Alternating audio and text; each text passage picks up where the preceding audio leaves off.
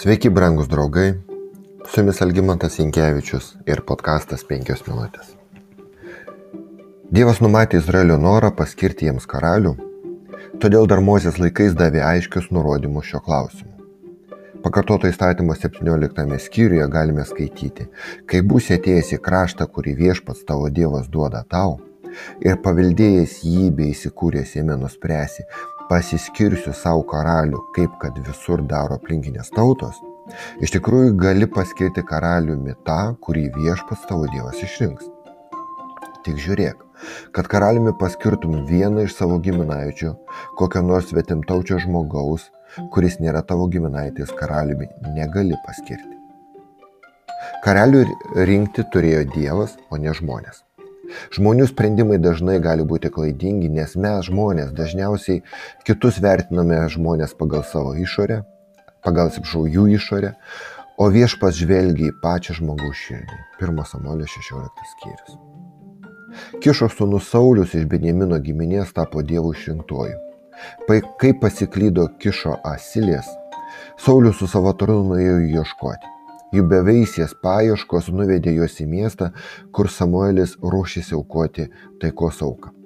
Saulis nuėjo pasiklausti pranašo, gal jis žino kažką apie pradingusius gyvulius, o Samuelis jo jau laukia, nes dieną prieš šį susitikimą viešpas tarė Samueliui. Rytoj šiuo laiku aš atsiųsiu pas tave vyrą iš Benjamino žemės ir tu patepsi jį mano tautos Izraelio valdovu. Jis išgelbės mano tautą iš filistinų rankos, nes aš mačiau savo tautos kančią, jų dėjavimas mane pasiekė. Kai tik Samuelis pamatė Saulį viešpats tarė jam, žiūrėk, štai vyras, apie kurį tau sakiau, jis valdys mano tautą. 1 Samuelio 9 skyrius.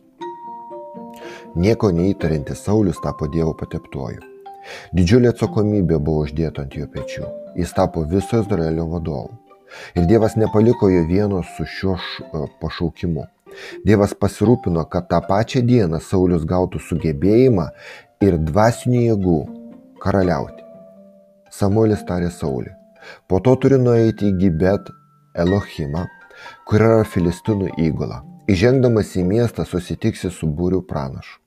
Tuomet tave pagaus viešpatės dvasia, tu būsi kartu su jais dvasios pakilime ir tapsi kitokiu žmogumi.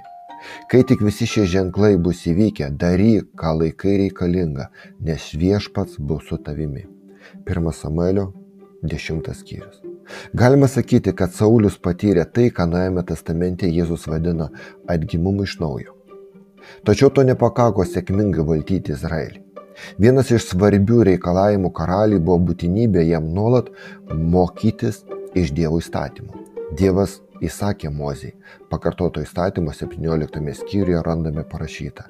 Įsodintas į savo karalystės sostą jis turės įsakyti, kad šio įstatymo nuorašas būtų jam padarytas ant rytinio Levi giminės kunigų akivaizdoje. Te pasilieka jis su juo, te skaito jį visas savo gyvenimo dienas, įdant, ištikimai laikydamasis šio įstatymo žodžių ir šių įstatų, išmoktų pagarbiai bijoti viešpaties savo Dievo te neišpūksta jo širdis prieš kitus brolius, ten, ten nenukrypsta nei į dešinę, nei į kairę, įdant, įdant jis ir jo palikonis ilgai karaliautų Izraelyje.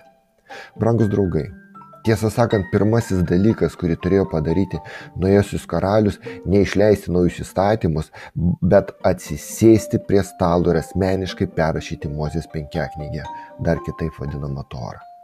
Jis turėjo pats pasidaryti Dievo įstatymo kopiją.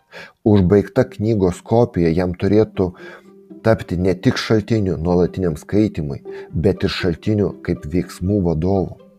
Viešpats nurodė Mozijai. Neleisi šią įstatymo knygai pasitraukti tau nuo lūpų, bet kartosi ją dieną naktį, kad ištikimai laikytumėsi visko, kas joje parašyta. Tik tada padarysi savo kelią sėkmingą. Tik tada tau seksis. Jozuės pirmas skyrius.